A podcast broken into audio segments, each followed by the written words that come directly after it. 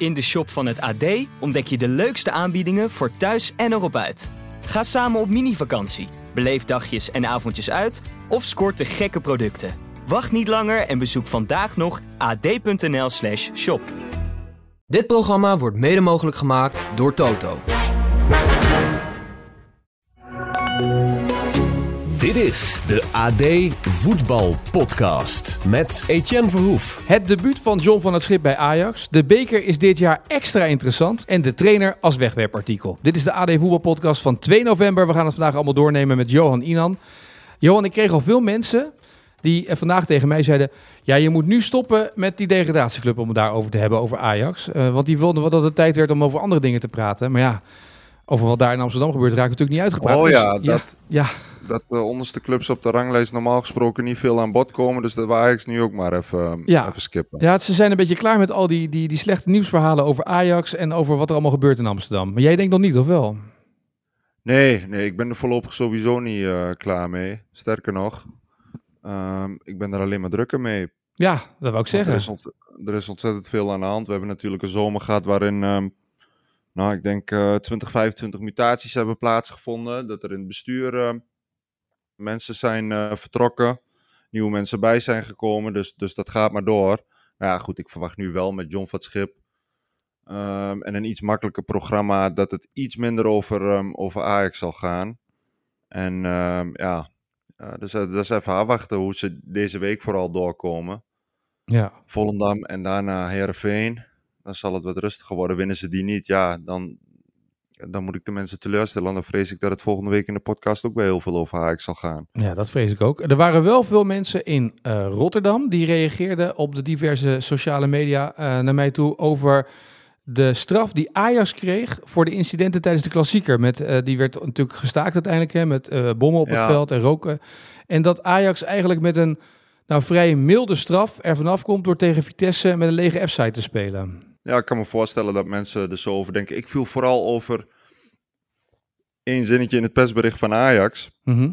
De voorwaardelijke straf blijft gehandhaafd. Dat ik dacht van, hè? Maar waar dient die voorwaardelijke straf dan, ehm, eh, dan voor? Ja. Dus je hebt een voorwaardelijke straf gekregen en die, die wordt dan Ja, vervolgens weer doorgeschoven naar het volgende incident. Ja, ja, daar zijn we nog even eh, achteraan gegaan.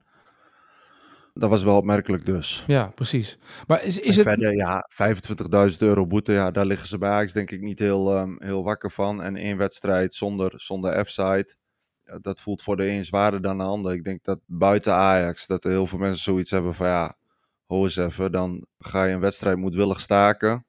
En dan heeft dat ehm, slechts tot gevolg dat, dat een deel van, ehm, van het publiek, die F-side, die ook vuurwerk op het, eh, op het veld wierp, dat die ehm, eh, slechts één wedstrijd eh, hoeven te missen. Dus daar, ik kan me wel voorstellen dat je zou, eh, zo over denkt. Aan de andere kant, ja, weet je, het waren er ook maar een aantal. En daar zaten ook gewoon heel veel mensen die, ehm, eh, die lekker naar een wedstrijd wilden kijken. En, en die hiermee gedupeerd worden. Dus ja, het is maar vanuit welke, welke kant je het beredeneert. Ja. ja, dan krijg je de redenatie dat een paar mensen het verzieken voor de rest. Maar uiteindelijk wil je Ja. toch niet meer als KNVB zijnde dat dit nog überhaupt voor gaat komen. Dus dan zou je zeggen, harde straffen, hardere maatregelen. Los het maar op, toch? Ja, normaal gesproken is dit de straf waarvan je zegt van... eh, het is niet iets waarvan ik zeg van, nou, dat zal ze leren. Nee. Nee, dat denk ik ook niet. Nee. Ik denk niet dat mensen heel erg wakker ervan liggen, toch? Nee, Ik vond trouwens eh, het verhaal van Lasse Schöne, bedacht ik mij vandaag nog, eh, ook wel eh, boeiend. Die heel openhartig was in de voorbereiding op, op bekerwedstrijden en dat soort dingen. En eigenlijk zei, ja, ik heb nu een aantal keer meegemaakt dat er iemand, een ploeggenoot van mij eh, bij Ajax, eh, Nouri, nu bij NEC, Bas Dost. Ik heb vrienden, Christian Eriksen en Daley Blind, die hartproblemen hebben. Ik weet eigenlijk niet of ik nog wel door wil voetballen. Ik kan me voorstellen dat een speler daarmee worstelt als je dat zo meemaakt. Zeker in zijn geval. Hij heeft met eh, Nouri gevoetbald. Hij heeft met Daley Blind gevoetbald. Hij heeft met eh, Christian Eriksen gevoetbald. Hij maakt het nu mee met, met Bas Dost. Ja, dan kan ik me voorstellen dat je op je oude dag zoiets hebt van... Ja, is, is me dit allemaal nog wel waard? Kijk, als je 25 bent, dan is het wat anders. Maar ehm, ja, ik kan me voorstellen dat, dat dat in zijn overweging om, om nog een jaar door te gaan of niet... dat dat misschien wel een rol gaat spelen. Dat hij zegt van, ja, ehm, het is goed zo. Ehm, ik ga mijn, ehm, eh, mijn tijd ga ik, eh, met mijn gezin doorbrengen. En, en dat kleine risico wat je loopt op een voetbalveld, ja, dat, dat wil ik niet riskeren. Dus ehm, zeker in het geval van, um, van Lasse Schöne, ik zag het ook voorbij komen, dacht ik van ja, ik snap hem heel goed. Want het zijn, ja, het worden ook een soort van trauma's hè, die, um, nou ja, uh, dat, die ja. je meemaakt. Zeker als je, als je met, met, met al die jongens uh, meerdere malen op het veld hebt gestaan. Ja, met Eriksen hebben we natuurlijk allemaal gezien. Deli Blind hebben we in elkaar zien zakken. Um, Nouri was van al deze gevallen misschien wat allerheftigst. En nu weer met Bas Dos erbij. Dat het wel heel dichtbij komt. En dat je zoiets hebt van, ja, weet je, dat, dat ene jaartje waar ik nog door wilde gaan, dat kan me gestolen worden. Ja, dat kan me ook heel goed voorstellen. En het lijkt me ook echt heel heftig om al die, als je dat op een rijtje gaat zetten, dat je bij al die incidenten ongeveer erbij bent geweest. Dat is ook nog wat. Ja, Ja. ja. heel bijzonder. Ja. Ehm, ik zit te denken, met Eriksen was hij er niet bij, geloof ik. Hè? Nee, hij was er niet bij. Nee, hij zat, maar hij Nee, natuurlijk WK was wel van bij de Nee, selectie. precies. Nee. Maar goed, hij heeft wel met hem gevoetbald natuurlijk, want hij is ook Deens International geweest. Ja, Dus daar komt, komt het ook weer heel dichtbij. ja, precies. Ja, het is bi- bizar als je erover na gaat denken. Hey, het is Ja. eh, natuurlijk beker eh, deze week. En toen, eh, als je de statistieken bekijkt of ziet wat, wat de beker dit jaar kan opleveren, dan is de beker eigenlijk voor iedereen, eh behoudens misschien PSV en Feyenoord, die gaan strijden om plekken 1 en 2 natuurlijk in de Eredivisie, vermoedt iedereen. Is natuurlijk een geweldige competitie om te winnen, want het is gelijk een plek in de Europa League volgend jaar, groepsfase. Ja, zou dat zoveel uitmaken?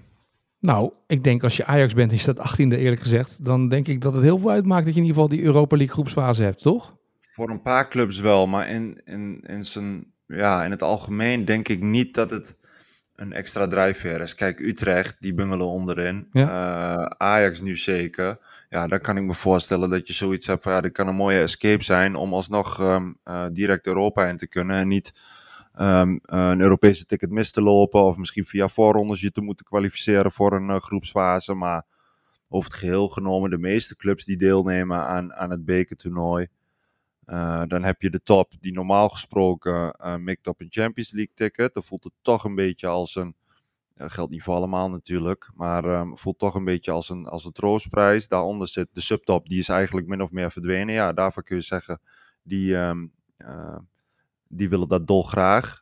Ja. Zeker nu ze, nu ze meer rekening met degradatie moeten houden dan, dan met Europees voetbal. en verder al die andere clubs, ja, weet je, dat, dat, de beker winnen. Of soms zelfs in de finale komen tegen bijvoorbeeld Ajax die dan de Champions League ingingen. Dat voelde al als Europa ingaan. En daarom zeg ik van ja, of het nou een rechtstreekse ticket is. Of, of een, um, uh, een schaal die je recht geeft op schaal beker dennenappel moet ik zeggen. Die je recht geeft op de voorronde van, van um, een Europees toernooi. Dat maakt volgens mij voor de meeste clubs niet heel veel uit. Nee, maar nu is het groepsfase Europa League. Hè? Dus nu staat er echt Ja, wel op het spel. Je bent wel gelijk geplaatst. Dat is toch echt wel iets waarvan je denkt... oh, weet je, we hebben dan zo volgend jaar wel dat we en groepsfase Europa League spelen. Dat zijn zes wedstrijden. Zoveel Ja. wedstrijden. Eh, Dat is op zich best wel een... een, een- Ja, ik zit me dan in te beelden. Gaan, gaan um, spelers er veel harder van rennen? Dat, dat weet ik niet. Dat, nou, dat gaan trainers en spelers sparen is de vraag ook. Want vaak zie je dat juist Nou, het bekertoernooi een beetje dient als de, de B-garnituur de kans geven.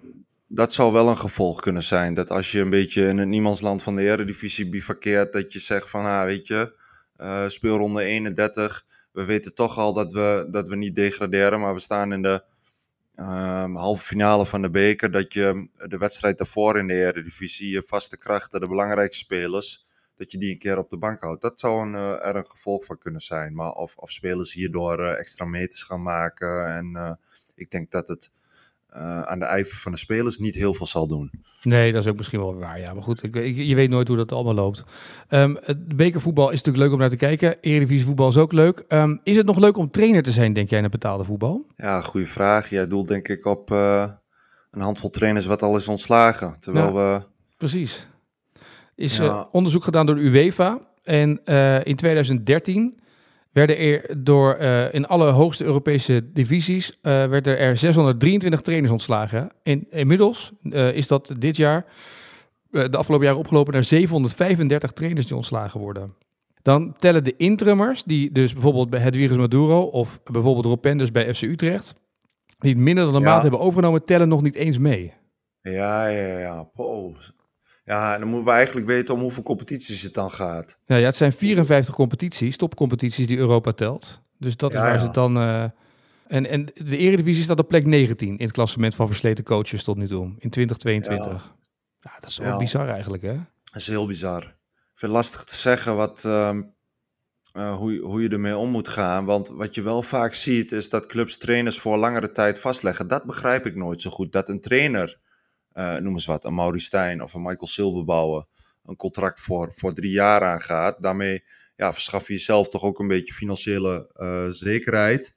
Ehm, eh, dat snap ik wel. Maar ik snap clubs ook ehm, eh, nooit zo goed.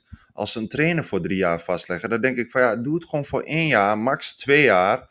Want je weet dat, er, ehm, dat de kans gewoon heel groot is dat het even wat minder gaat lopen. En dat je misschien wel heel snel van, van je trainer af wil. Nou ja, zit je dan als Ajax zijnde of als Utrecht zijnde na eh, nog geen half jaar. Waarin je eh, eigenlijk de trainer wil lozen. Maar nog met 2,5 jaar contract zit wat je, wat je dan moet afkopen. En, en dat dwingt je in sommige gevallen ook. Kijk, Ajax heeft natuurlijk nog best veel geld.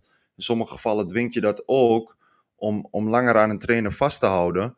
Omdat je eh, met die afkoopsom zit. Want je moet nog, stel dat je hem zelf ehm, eh, ontslaat, ja, dan moet je een fix bedrag meegeven. En, en dan hoop je eigenlijk dat hij zelf de stekker eruit trekt, zodat je hem helemaal geen centen mee hoeft te geven. En ik vind trainers vaak ook sieren die zeggen van, ik teken gewoon voor een jaar. Ehm Ja. Ron Jans deed dat bij Pax Volle altijd. Die tekende dan voor een jaar bij. Ja, maar waarom dan niet voor langer? Nou, hij zei van, we moeten gewoon even van, van seizoen tot seizoen aankijken of het van beide kanten bevalt. En is dat zo, dan kunnen we heel makkelijk met elkaar verlengen. En, en bevalt het even niet, ja, dan zit je aan elkaar gebonden, omdat je voor langer hebt getekend. Dus ja, vanuit trainers snap ik het wel, dat die inzetten op een langer contract. Er zitten natuurlijk ook zaakwaarnemers achter die, die onderhandelingen voeren en, en er zo gunstig mogelijke eh, eh, contract uit, eh, of lucratief contract uit proberen te trekken Ja. dat snap ik wel. Maar vanuit de clubs, zeker bij FC Utrecht, waar je eigenlijk jaarlijks één of twee trainers slijt. eh, bij Ajax de laatste jaren zijn er toch ook al een aantal gesneuveld. Dan zou je zeggen van ja, je bent gewaarschuwd. Ehm eh, ga een iets korter dienstverband aan.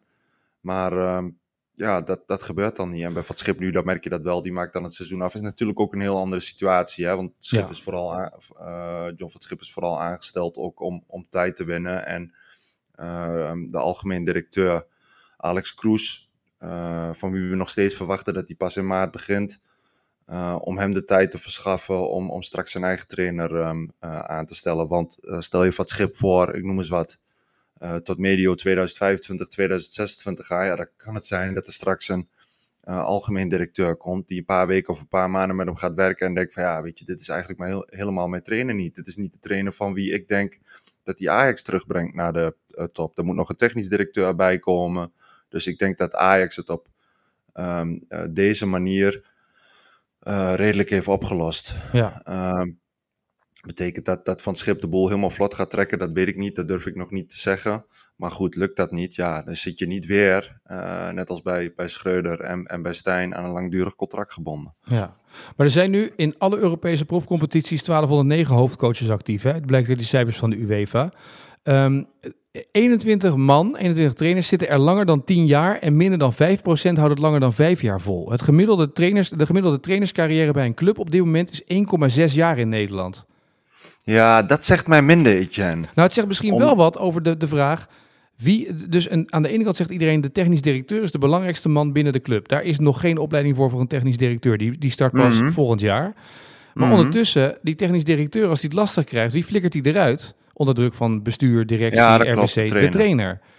Ja, Ehm, en, Maar, maar ja. in de cijfers die jij noemt, ga jij ervan uit dat dit allemaal ontslagen zijn. Maar dat een eh, trainer gemiddeld 1,6 jaar bij een club blijft, dat kan natuurlijk ook ehm, erop duiden dat ze vanwege hun ambities en omdat ze het goed doen, al eerder bij een club worden weggetrokken. ja, dat kan. Dat kan. Die vallen daar ook onder volgens mij. Tuurlijk, er zit altijd een wisselwerking in deze cijfers. Maar de tijd dat een trainer de tijd krijgt om te bouwen aan een team, Ja, die, die is natuurlijk bijna niet meer. Ik bedoel, hoe vaak moet nee. eh, Rogier Meijer nog bij de, bij de bus uitleggen Ja, eh, klopt. dat, het, dat het misgaat met NEC bij wijze van spreken. Als je, als je Ja. pech hebt, wordt de bus opgewacht, eh, dan heb je dit weer, dan heb je dat weer. Dan, Ja. dan, dat, is natuurlijk wel een beetje van deze ja, ik tijd, ben met je eens. En eigenlijk zou je de cijfers van, van ehm, eh, de wisselingen in het directieteam, en dan voornamelijk op de positie van technisch directeur, die zou je ernaast moeten leggen. Want dat speelt natuurlijk ook een rol. Clubs ehm, nemen om de havenklap afscheid van een technisch directeur. Dan komt er een andere, die houdt er weer een andere visie op na. Dat betekent ook dat daar wellicht een eh, andere trainer bij past.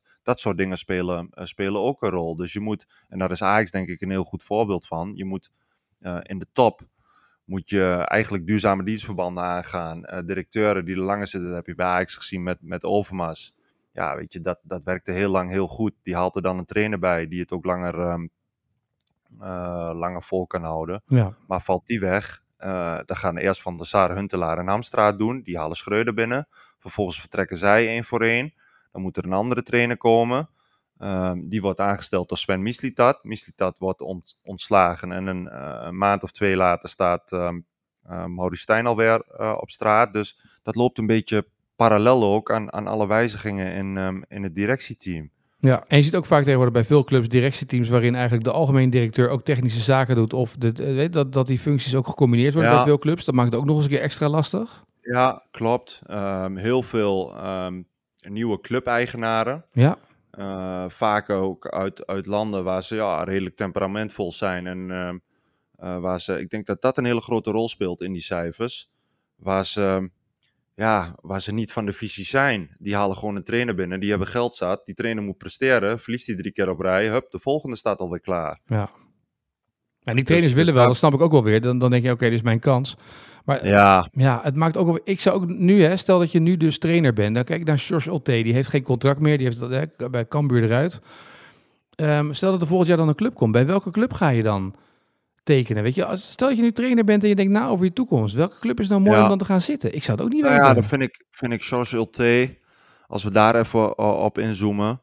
Volgens mij zit um, in het bestuur van Cambuur is het al jaren redelijk steady. Mm -hmm. Uh, die heeft ook de tijd gehad. Die mocht het volledig naar zijn hand zetten. Sterker nog, die heeft, uh, is van systeem geswitcht. Uh, hebben ze aan vastgehouden nadat ze uh, degradeerden. En vervolgens loopt het weer een, een, wedstrijd of tien niet. Ja, dan vind ik op een gegeven moment wel dat je, uh, dat je moet, moet ingrijpen. Want waar je ook rekening mee moet houden. En dan moet je niet te veel doen. Is dat je uh, supporters hebt die een bepaald verwachtingspatroon hebben. Dat verwachtingspatroon heb je ook zelf. En als de trainer daar te lang niet aan voldoet, ja, dan moet je, uh, dan moet je ook ingrijpen, vind ik. Want anders wordt het een soort minachting van je, van je achterban. Je kunt niet in het geval van George T bijvoorbeeld blijven zeggen van ja, weet je, het is prima, wij geloven in hem en hij gaat het vanzelf een keer omkeren als je maar blijft afglijden van de eredivisie naar de eerste divisie. En in de eerste divisie mik je op promotie op die eerste twee plaatsen en vervolgens bingel je op plek 8, 9. Worden de play-offs misschien wel uh, een moeilijk verhaal? Ja, dan kun je niet blijven zeggen van um, uh, van we houden aan hem vast. Een ander voorbeeld. Maar daar is het trouwens wel de TD weggegaan bij Cambuur. Hè? Dus Boy ging weg, komt een ja. nieuwe TD binnen. En die willen natuurlijk ook altijd hun eigen mensen daar neerzetten. Dat is ook vaak zo'n dingetje, toch? Nadat ik het zei, bedacht ik me al. Ik zit dan vooral aan Gerald van der Bel te denken. De algemeen directeur die ja. er al, um, uh, al veel langer zit. Maar het is niet een heel onrustige club of zo. Nee. Dan denk ik vooral aan NAC, weet je wel. Waarom de Havenklap een nieuwe directeur zit. Um, dus dat. En ik wilde nog een ander voorbeeld noemen. Mm -hmm. um, Union Berlin. Ja. Wat ga je daar doen? Dat is een trainer die volgens mij de club twee keer heeft laten promoveren. In drie, vier jaar Bundesliga. Steeds een paar plekjes geklommen tot in de Champions League aan toe. Ja. Dat is echt um, uh, een succescoach, zeg maar. Die heeft die hele club tot bloei gebracht. En um, uh, de Försterij aan de alte Försterij helemaal tot leven gebracht. En die verliest nu elf wedstrijden op rij. Wat doe je dan? Ja, ik vind persoonlijk, maar ik snap het wel dat daar de. Maar dat is, uh, je hebt vaak dat clubs, trainers. Louis van Gaal had bij AZ ook één slecht jaar. Hè? En mm -hmm. het jaar daarna werd hij kampioen. Mm -hmm. um, het kan zo zijn dat je een aantal momenten hebt in een jaar dat het even minder gaat. En volgens mij hebben we ook gezien in al die jaren dat vasthouden aan de trainer in plaats van een interim halen. uiteindelijk altijd meer punten oplevert op de lange termijn, toch?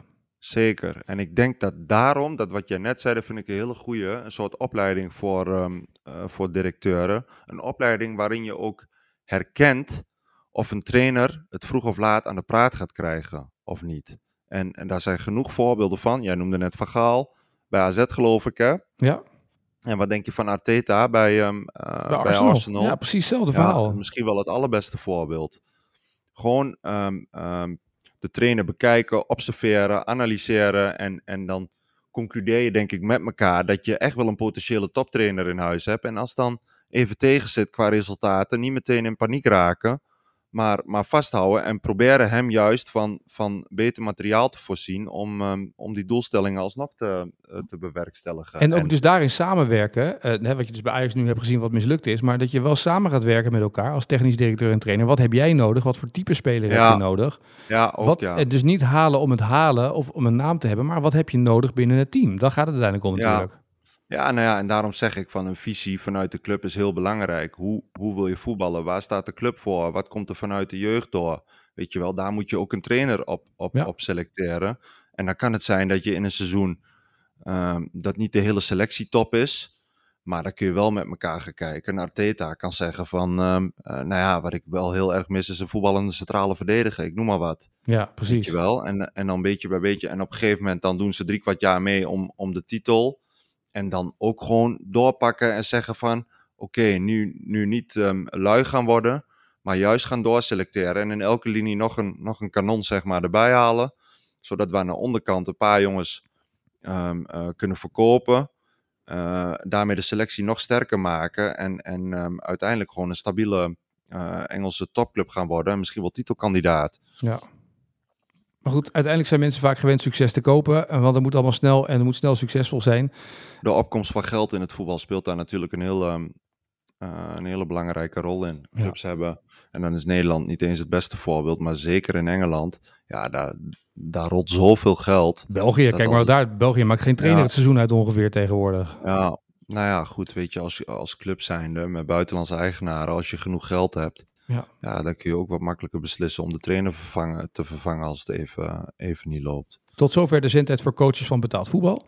Eh, CBV bijna lijkt het wel. Maar het is wel een interessante discussie. En ook als supporter om daar eens naar te kijken. Want soms duren dingen gewoon wat langer en kosten wat meer tijd. En zijn er andere Mhm. randzaken die eraan eh, te grondslag liggen. Eh, voordat we zo meteen naar de vraag van vandaag gaan, Johan. Het is Ajax Volendam, hè? Ja, Wat moet, eh, wat, wat moet je nou verwachten als je eh, eh, als Ajax supporter nu voor de buis gaat zitten of naar het stadion gaat van deze wedstrijd met John van Schip? Wat mag je Ja, verwachten? Nou, in ieder geval een, een energieke Ajax. En, ehm, eh, en toch ook wel een, een overwinning. Ja, lijkt me het minste, toch? Laatste plaats Nou ja. overdoen aan, aan de buurman. Ja, ik geloof niet dat Van Schip ehm, eh, kan toveren. En, en na twee trainingen al ehm, eh, een, een Ajax ehm, eh, voor elkaar heeft gebokst. Wat, wat Volendam met 6-7-0 gaat, gaat oprollen.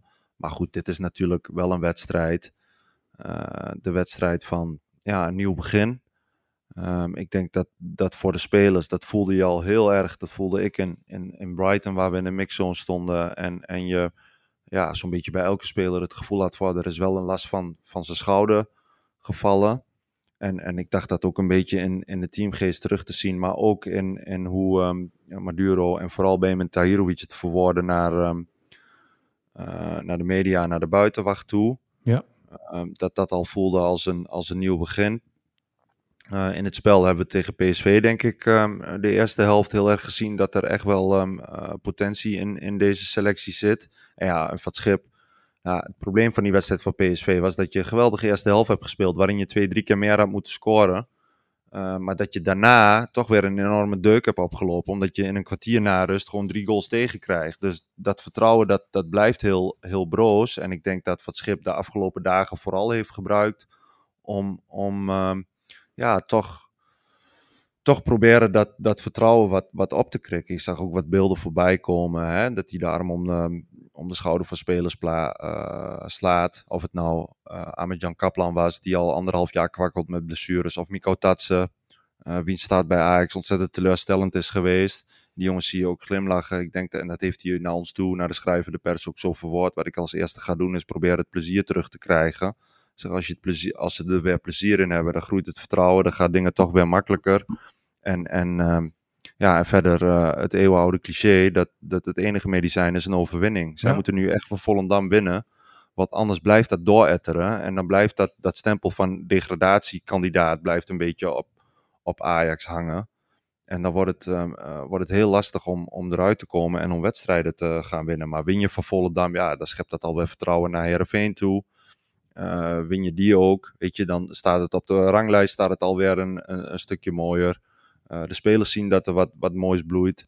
En dan denk ik dat, dat, um, ja, dat het toch wel de andere kant op, op gaat draaien. En we hebben van het schip gehoord, hè, die heeft ehm, voorlopig de vijfde plek ten, ehm, eh, ten doel gesteld. Ik ben Ja. heel benieuwd hoe, ehm, of en hoe snel ze daar dan ehm, eh, gaan komen. Ik moest wel zeggen, toen ik die beelden zag van het schip, de arm om de schouder bij de spelers. Ik was ooit eh, bij eh, Feyenoord voor Rijmond toen de tijd eh, om beelden te maken van Don Leo die daar binnenkwam nadat Erwin Koeman was opgestapt bij Feyenoord. Weet je nog dat Koeman helemaal Ja. zei ik stop ermee. En het Ja. eerste wat de Don deed op dat veld, ja, hè, armpje om de schouder, even Ja. glimlachen, een dolletje met die, een dingetje met dat, in het Spaans met die speler, in het Nederlands met die speler. Ja, Ja, Nou ja, kijk, kijk wat, en daar ga je over nadenken. Wat, wat brengt dat teweeg, een, een nieuwe trainer? En ook een trainer die, ehm, dat is denk ik wel een voordeel van Van Schip, die heeft in ehm, eh, Australië een paar jaar gewerkt, eh, in Mexico, eh, spreekt Spaans, Engels. Ehm, dat kan hem helpen, denk ik, kan de groep ook helpen. Maar wat helpt dat nou? Ik heb ook wel eens een tijd meegemaakt dat, dat ik voetbalde en dat ik wist, ja, of ik goed train of slecht train, ik speel toch niet. En, en dan ehm, eh, sluipt er iets in, ja, eh, tijdens training ook, waarbij je denkt van ja, weet je, ik hoef toch niet 100%. Of ik nou 100% geef, hij kiest toch voor die ander.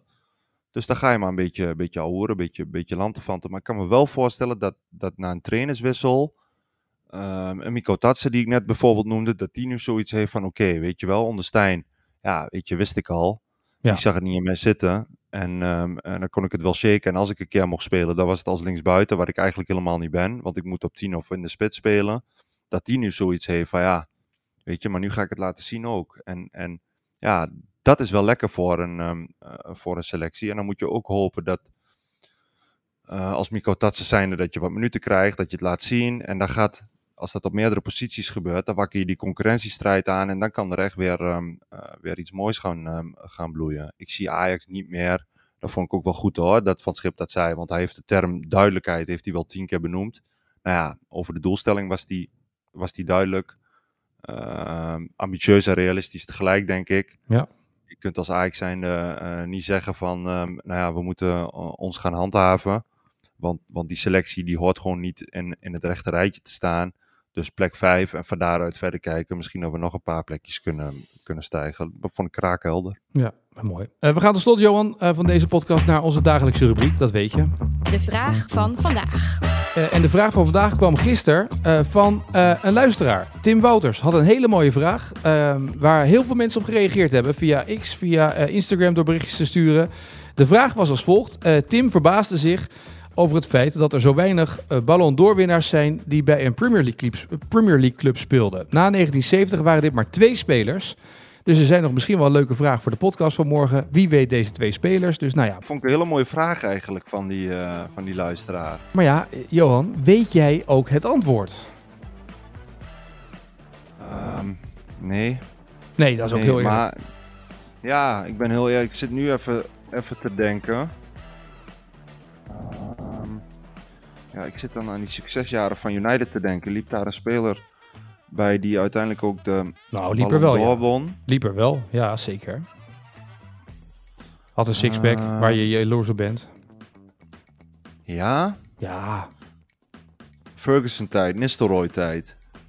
ja, het is wel allemaal jouw jeugd dit. Dus jij moet het weten. Ik ga je niet verder helpen dan dit. Hè. Dus deze man ken je. Die heeft, eh, dit is echt maar een van de grootste die een gouden bal heeft gewonnen. Eentje weet je. Oh, Cristiano Ronaldo. Ja, dat was de eerste. Heel goed. Ja, En dan de tweede. Thierry, Thierry Henry niet, denk ik. Nee, Bergkamp niet. nee. Ja, het is wel een beetje... dit- je moet wel even graven voor deze, moet ik zeggen. Die is wat verder terug. Ja, begin, 20, begin, begin 2000, 2001. En dat was geen United, begrijp ik. Nee. Was het Liverpool? Mhm. Ja, moet je, nu, je moet het tegen, die, tegen de luisteraars zeggen die de vraag stellen. De boy wonder van Liverpool. Michael Owen. Ja, Michael Owen. Precies. Die gouden bal gewonnen. Ja, 2001. En Cristiano Ronaldo Oh, dat wist ik 2008. niet. Met de hulde aan eh, de eervolle vermeldingen. Nico Bus, Frederike, Johan Koets, eh, eh, Johan El Tercero. Prachtig met foto erbij van die twee gasten. Nog een oude foto opgezocht. Wat heel erg Ja. mooi was. Heel veel mensen wisten het. Ook veel mensen nog via Instagram die nog namen doorgaven. Ook Hessel Boosma. Dus ja, echt heel knap dat mensen dat wisten. En Kevin van der Valk. Oké. Ja, Nou, dan heb ik daarmee eh, volgens mij alle eervolle vermeldingen voor deze dag iets meer gedaan. Maar na zo'n vraag van Tim Wouters, die als dank hiervoor, want hij zei Maarten ook, we moeten toch een prijs geven. Hij stuurde nog een berichtje. Doe maar een handtekening van Maarten, dat is welkom hoor. En doe ook meteen die van Mikkels erbij. Nou, dan fixen we dat ook. Ja, ja. Sorry Johan, jij stond niet bij het lijstje. Maar eh, Tim wil wel een handtekening van Mikkels en van Maarten. Dus bij deze ga ik achteraan, beloof ik Tim. Ehm, dan mag jij de vraag voor morgen neerleggen eh, voor Sjoerd, Johan. En voor de luisteraars natuurlijk. Oké, nou we zitten in de bekerweek. In 2016 was er een bekersprookje met een amateurclub. Weet jij dat nog, Etienne? Ja, ja, zeker. Ja, De club VVSB. zeker. De voetbalvereniging Sint-Bavo uit Noordwijkerhout. Ja. Wie was toen de trainer van VVSB die uit mijn hoofd de halve finales bereikte? Oeh, mooie vraag. Mocht je dit weten, laat het ons vooral weten. Eh, dan geef even de naam door via X met de hashtag AD Voetbalpodcast. Of geef het door eh, via Instagram door mij een berichtje te sturen. Eh, dan zal ik keurig op verzoek accepteren drukken. Dat doe ik tegenwoordig braaf. Dan kan iedereen gewoon een berichtje sturen. Anders worden ze weer boos dat het niet kan. Dus bij Hmm. deze berichtje sturen, dan accepteer ik het. En dan hebben we gelijk een, een mooie rij met antwoorden weer. Mocht je het antwoord weten, laat het vooral weten. Morgen in deze podcast natuurlijk het antwoord. Dus laat, laat het vooral weten. Morgen het antwoord van Sjoerd. Eh, tot zover deze AD Voetbalpodcast eh, voor vandaag. Dus Johan, ik wens jou alvast een hele mooie dag. En eh, tot de volgende. Dankjewel. Dit programma werd mede mogelijk gemaakt door Toto. In de shop van het AD ontdek je de leukste aanbiedingen voor thuis en erop uit. Ga samen op mini-vakantie, beleef dagjes en avondjes uit of scoort de gekke producten. Wacht niet langer en bezoek vandaag nog ad.nl/shop.